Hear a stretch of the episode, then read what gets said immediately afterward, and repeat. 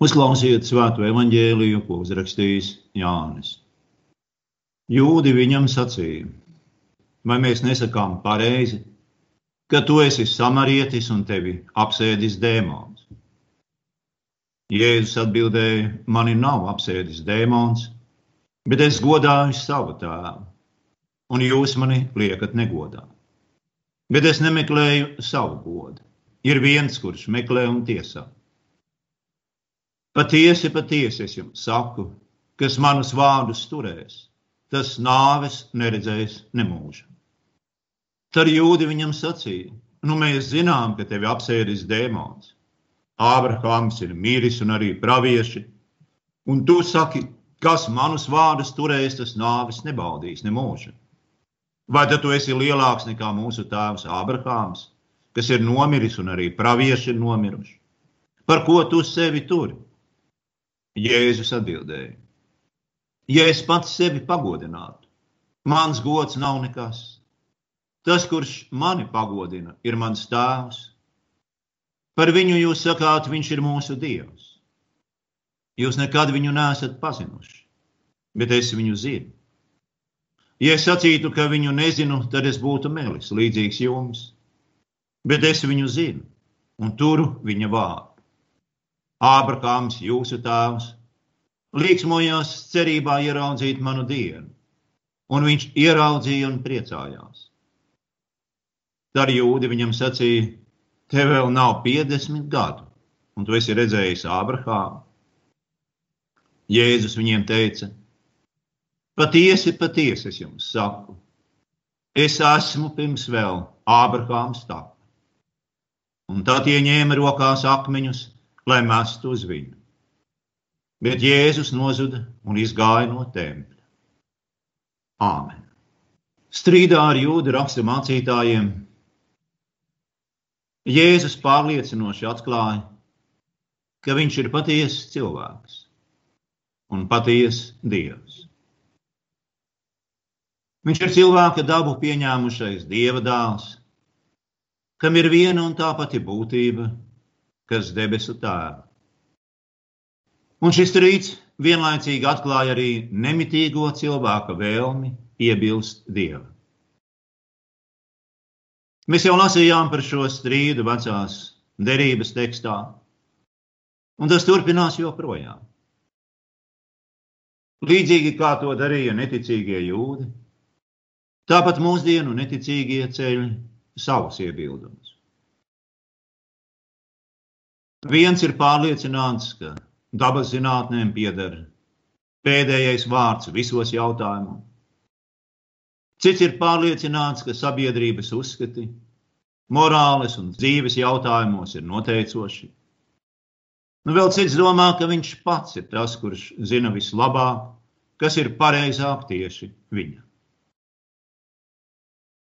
Tātad strīdēšanās kā arī ar Dievu nav mazināmas.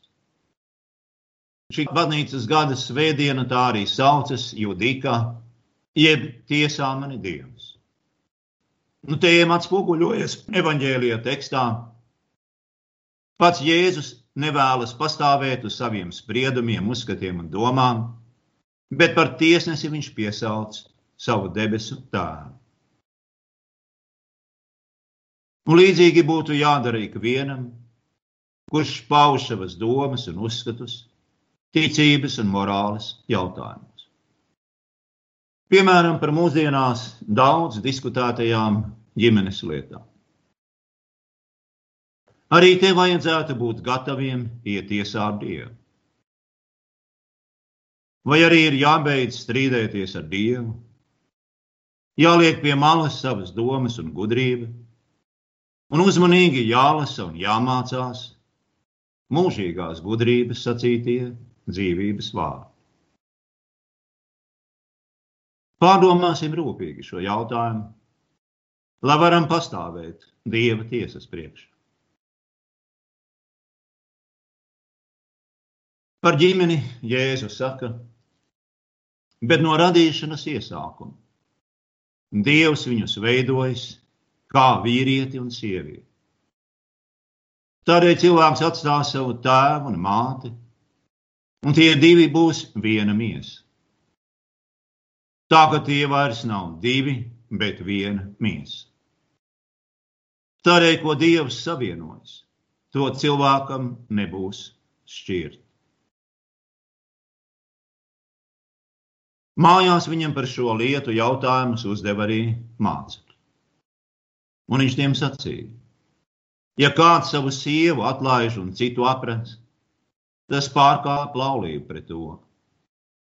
Un ja sieva no sava vīra šķiras un apredz citu, tā pārkāpj laulību. Te par laulību ir pateikts viss svarīgākais. Pēc dieva radīšanas kārtības laulība ir saistības starp vīrieti un sievieti, kas tos padara par vienu miesu. Divi vīrieši vai divas sievietes var pūlēties, cik grib, bet tie nevar kļūt par vienu miesu un radīt bērnus. Savienība starp vīrieti un sievieti, kuru rada pats Dievs, ir savienība uz visu mūžu. Jo ko Dievs savienojas, to cilvēkam nebūs šķirt. Tāpat Pāvils saka, ka sieva ir saistīta ar savu vīru tik ilgi, kamēr vīrs ir dzīves. Un pravietis Malijahie savā grāmatā brīdina, lai neviens nenoniecina savu jaunības gados apņemto sievu. Tāds, kurš nemīl viņu, bet dusmos viņu un padzen to, aptraipa savu tērpu ar varmācības negodu. Citiem vārdiem sakot, tāds ir ļauns varmāk. Pāvils vēstulē romiešiem saka, ka sieva ir saistīta ar savu vīru tik ilgi, kamēr tas ir dzīves. Un, ja tā šķiras no viņa, tad tā ir laulības pārkāpēja. Vēstulē ebrejiem lasām, laulība lai ir pie visiem godā, un laulības gulta lai ir neaptraipīta, netiklos un laulības apgānītājus Dievs tiesā. Pravietis Jeremija saka, ka tāda zeme, kur cilvēki precas un šķiras un atkal precas, kļūst sagandēta. Ievērojiet Jēzus vārdus. Ko Dievs savienojas, to cilvēkam nebūs šķirt. Jēzus šeit saka ne tikai to, ka laulība ir uz mūžu, nav šķira, bet no viņa vārdiem tieši izriet, ka laulība ir dieva iedibināta kārtība. Laulība ir dieva darbs, kurā cilvēkam vispār nav nekādu tiesību iejaukties ar savām domām vai uzskatiem. Tāpat kā viņam nebūs šķirt laulība, tāpat viņam nebūs nekādi grozīt dieva institūciju, pievienotai savas domas, mēģināt to padarīt atkarīgu no ārējiem apstākļiem, Izturēties tā, it kā laulības lietas būtu viņa paša ziņā. Un kā gribu, tā dara. Nē. Laulības jautājumi nav diskutējami jautājumi.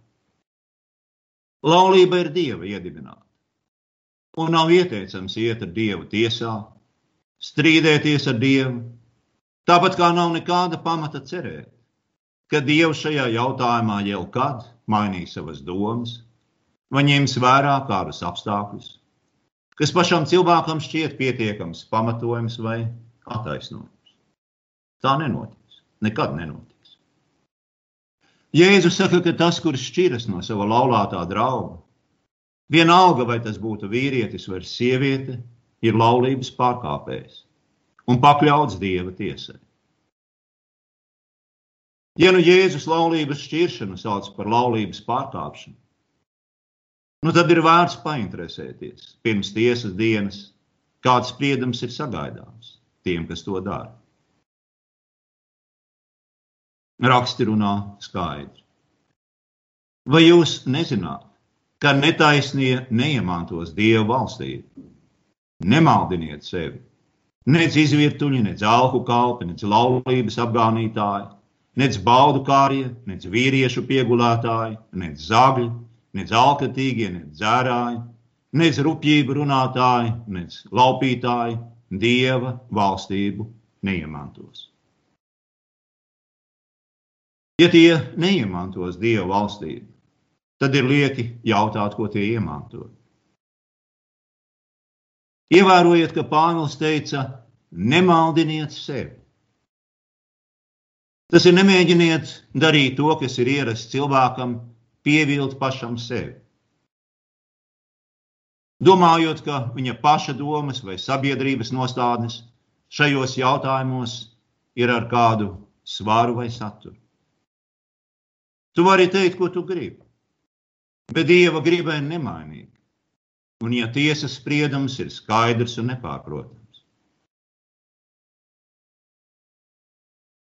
Mīļie draugi, es jau jums nestāstu savas domas. Ja kāds prasītu man, es teiktu, lai katrs dara, kā grib, un liek man mieru. Bet ne jau es vai kāds cits cilvēks ir iedibinājis laulību, bet gan Dievs. Un kāds ar savu pravieti Jeremiju viņš saka, kurš ir kā es un kas man ko norādīja? Kurš ir tas gans, kas pastāvēs manā priekšā? Pēdējais izmisīgais cilvēku arguments ir mīlestība. Nu, ko tad, ja mīlestība ir beigusies? Vai mocīties tālāk un dzīvot bez mīlestības? Es teicu, tas ir izmisīgs arguments, un tas patiešām tāds ir. Jo Pāvils saka, vienkārši skaidri un nepārprotami, mīlestība nekad nebeidzas. Jūs domājat, ka Pāvils nezina, ko viņš runā? Mīlestība ir Dieva dāvana. Tā nāk no Dieva. Un to, protams, var atraidīt. Tās vietā var stāties vienaldzība vai pat naids, bet mīlestība nevar beigties. Tā nekad nebeidzas. Ja tās nav, tad tu pats esi to noniecinājis, atraidījis un aizliedzis. Un nevajag vainot kādu citu par to, ko esi darījis pats. Bet ko tad darīt? Likt pie malas savas un citu domas, pārtraukt, maldināt sevi un klausīties, ko apustulis saka tālāk. Viņš saka, ka daži no jums tādi ir bijuši, bet jūs tikāt nomazgāti, tikāt svētīti, tikāt attaisnoti mūsu Kunga Jēzus Kristus vārdā un mūsu Dieva garā. Bet, ja nu tas ir noticis vēlreiz atkal no jauna, nu tad, protams, ir vēl lielāka vēlme maldināt sevi. Bet te mums teicis palīgā mīļais Jēzus māceklis Jānis. Ja sakām, ka mums nav grēka, tad maldinām sevi un patiesības nav mūsos. Ja atzīstamies savos grēkos, tad viņš ir uzticams un taisns un mums piedod grēkus un šķīstī mūs no visas netaisnības. Ja mēs sakām, ka neesam grākojuši, tad padarām viņu par mēli, un viņa vārda nav mūsos. Kristietim tā tad vienmēr ir glābiņš pie sava mīļā kunga Kristus. Kristietis nemaldina sevi. Viņš nemēģina legalizēt vai attaisnot grēku, bet viņš iet pie Kristus pēc piedošanas. Un kristietis ar prieku uzklausa absolūciju un ar līksmu sirdi saņem grēku piedošanu. Ja kāds to nedara, kāds maldina sevi un nemaz nav kristietis. Nu, tātad Jēzus ir Dievs, un ar viņu nevajag strīdēties. Kad vai tādēļ, ka tas labi nebeigsies? Bet viņš ir mīļš un labs Dievs, kurš piedod grēkus un šķīsta no visas netaisnības. Ievērojiet vārdiņu visas. Nav tāda grēka, kuru viņš nepiedod.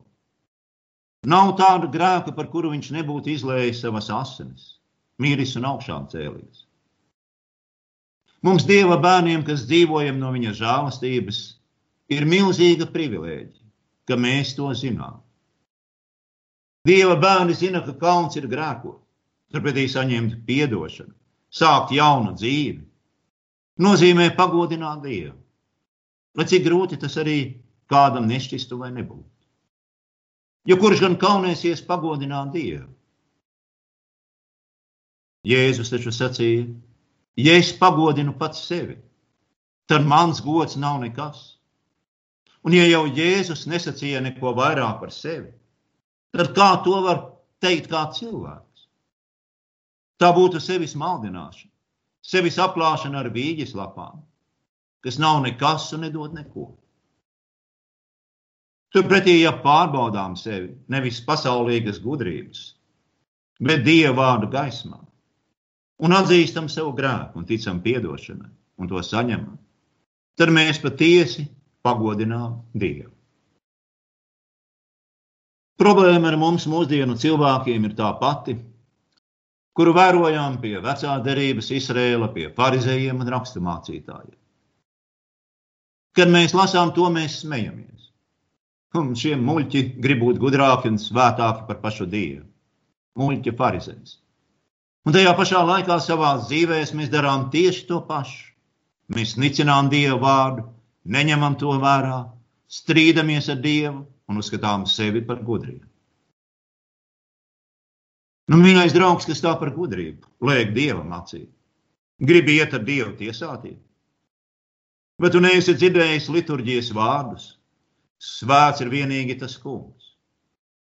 Vai tad tu domā iet tiesāties ar svēto Dievu un mācīt, ko un kā un kad viņam ir jādara?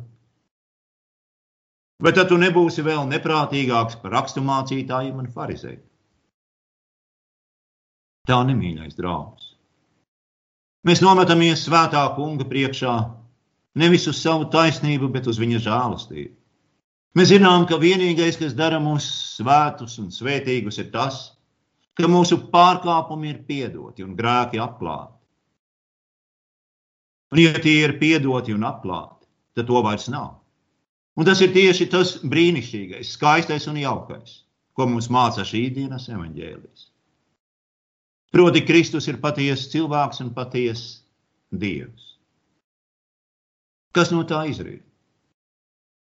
No tā izriet tas, ka glābt tevi un mani no grēka, uzņemoties to mūsu vietā, var tikai patiesas cilvēks.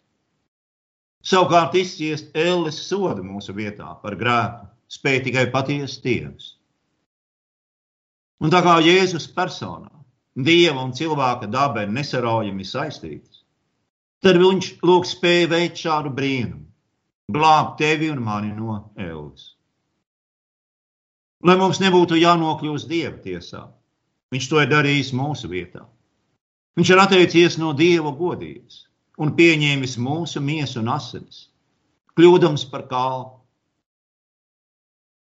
lai varētu glābt mūs. Un tagad padomā, no kā tad viņš glāb tevi. Viņš glāb tevi no dieva dusmām un ēlas. Kas ir ēle? Bez tā, ka ēle nav izdomāta, bet reāla vieta, par to ir jāzina tas, ka ēlē nav dieva. Un tā tad absolūti nekā laba. Mēs to pat ar prātu nespējam atvērt. Jo pat šajā samaitātajā pasaulē vēl ir kaut kas labs. Otrā lieta, kas ir jāatceras par Eli, ir tā, ka tā ir mūžīgu moku vieta. Man diskutēt par to, vai tās ir tikai garīgas, vai arī fiziskas mokas, vai arī abi divi. Bet skaidrs ir tas, ka tās būs reālas un briesmīgas mokas, patiesas šausmas. Un trešā un ļoti būtiskā lieta ir tā, ka elle ar tās mokām nekad nebeidzas. Nekad. Kā Dante saka savā dievišķajā komēdijā, Virs elles vārtiem ir uzraksts. Šeit atstāja pēdējo cerību. Tātad arī pēdējo cerību, ka tas reiz varētu beigties. Mūsu prāts spēj domāt par nākotni, un tālākais mūsu doma punkts ir dzīves beigas. Kaps. Bet mūžība ir kaut kas pilnīgi cits. Tur nekas nebeidzas. Un pats tālākais, ko mēs spējam iedomāties, ir tikai sākums. Beigu nav. Un, kad mēs domājam par to, pārņem kaut kas līdzīgs panikai, jo prāts nespēja to aptvert. Tas ir kā krist no augsta torņa, krist un krist bez apstājas un nekad nenokrist. Kad mēs kaut ko tādu iedomājamies, kļūst baismīgi. Bet lietas ir vēl sliktākas. Ielē neviens nekritīs mūžīgi. Ellē cietīs mūžīgi. Tur tārps un dedzinošā ciešana uguns nerims. Bez šaubām šie Jēzus vārdi ir līdzība, metāfora, bet tie stāsta par kaut ko patiesi reāli. Tad, kad Ellis moku pārņemtais ar savām asarām, būs piepildījis visas pasaules upes un jūras, tad ciešanas vēl nebūs pat īsti sākušās. Lūk, Ella ir kaut kas tam līdzīgs. No tās nav glābta. Nekad neviens no tās neizbēgs, bet nevarēs arī iznīkt, izzust, nomirt, pārstāt eksistēt. Ciešanu pulkstenis nekad nepārstās tikšķēt. Patiesībā tas nekad netiks tālāk par pašu sāku. Un to dzirdot, protams, rodas iebildi. Mums atkal gribas strīdēties, nu kā tas ir savienojams ar Dievu, kurš ir mīlestība. Mīlošs Dievs nevienu nevar tā sodīt. Redziet, tas nav īsti pareizs jautājums. Jo Elle nav Dieva mīlestības rādītāja. Elle ir viņa taisnīguma rādītājs. Dieva mīlestība ir piedāvājums tikt izglābtam no ēles, ko daudzi norāda. Mīlestību var atraidīt, bet neviens nekad nevarēs atraidīt Dieva taisnību. Dievs patiesi ir mīlestība, bet tas nav tas pats, kas sacīt mīlestība ir Dievs, jo tās ir divas dažādas lietas. Par mīlestību abstrakti varam domāt bez tādām lietām kā patiesība un taisnīgums. Par Dievu tā domāt nevar. Dieva mīlestība vienmēr iet kopā ar patiesību un taisnību. Un tikai tādēļ mēs varam sacīt, ka Dievs ir labs. Ja viņš neienīstu melus un netaisnību un nesodītu, viņš nebūtu ne mīlestība, ne labs. Un, ja jūs domājat, ka mīlošs Dievs nevar nevienu aizsūtīt uz elli, jūs ļoti, ļoti alojaties. Jo tieši tādēļ, ka viņš ir mīlestība, viņš to darīs. Tas ir sodījis ļauno, melus un nepatiesību. Gribi vēlēties ar Dievu? Es vēlreiz saku, nedari to. Lai Jēzus to dara tavā vietā. Lūk, te ir iepriecinājums. Te ir mūsu ticība, un te ir tas milzīgais, nebeidzamais prieks un drošība. Jēzus par mums un Dievs par mums. Viņa dēļ. Jēzus par mums Dieva priekšā. Ko tas dod? Nu, iespējams, ka daudzi vēlētos baznīcā vairāk dzirdēt par citām lietām. Tie vēlētos vairāk dzirdēt un domāt par šo pasauli un par dzīvi tajā. Bet, mīļie draugi, es negribu jūs aplaupīt un neaplaupiet arī paši sevi. Jo Dievs jums ir sagatavojis kaut ko daudz, daudz vairāk, daudz, daudz labāku un brīnišķīgāku par šo pasauli. Jūs nekad neiegūsiet to šajā pasaulē. Jo šī pasaule ir pārāk maza un pārāk netīra, priekš dieva godības un svētuma klātbūtnes. Tā jums nav piemērota mājvieta. Un jūs pareizi darāt, ilgodamies pēc citas. Bet atcerieties, tā nekad nebūs atrodama šajā pasaulē. Šajā pasaulē staigāt kailam vienmēr būs kauns. Bet tad, kad nāks jaunā pasaule, tad cilvēks atkal būs kails un viņš nekaunēsies. Tāpat kā reizes paradīzes dārzā. Manuprāt, tā ir īsa un uzskatāma un ļoti laba līdzība, kas raksturo dzīvi šeit un tur. Šeit mūsu dzīve ir tāda, par kuru nemitīgi jākaunas. Un tur tā būs dzīve, no kuras mēs vairs nekaunēsimies, bet par ko leposimies. Tā būs mūsu patiesā mājvieta, mūsu īstais tēva nams, pēc kura šeit ar nopūtām ilgojamies. Īstā tēvzeme. Un tajā ir vietas priekš mums visiem. Mēs visi tur esam mīļi, gaidīti un aicināti. Un kad tas piepildīsies, mēs sapratīsim, ka mūsu ilgas pēc mājām patiesībā vienmēr bija ilgas pēc viņa. Ilgas pēc mūsu radītā, pēc debesu tēva, ilgas pēc tā dieva, kurš ir mīlestība, patiesība, gaisma un dzīvība. Kad mēs sastapsim viņu, tēvu, dēlu un svēto gāru, visas mūsu ilgas un cerības būs piepildītas, un mēs beidzot būsim patiesi laimīgi. Kas bijis pagājis, viss būs tapis jauns. Mums tiks dāvāta dzīve, kura būs tik brīnumaina un laba, ka mēs tagad par to nespējam aptvērt.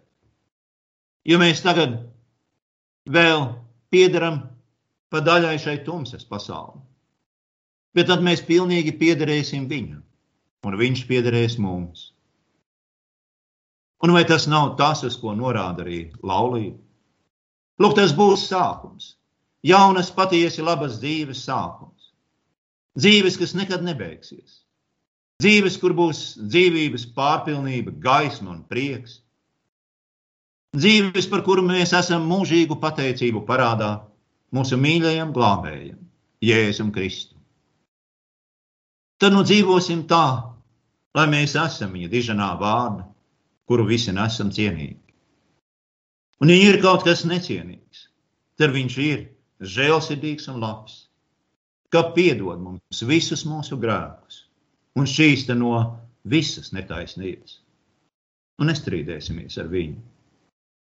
Bet tā vietā slavēsim viņu kopā ar tēvu un svēto garu, pateicības pilnām sirdīm, jo viņš to pār pārim ir pelnījis. Āmen!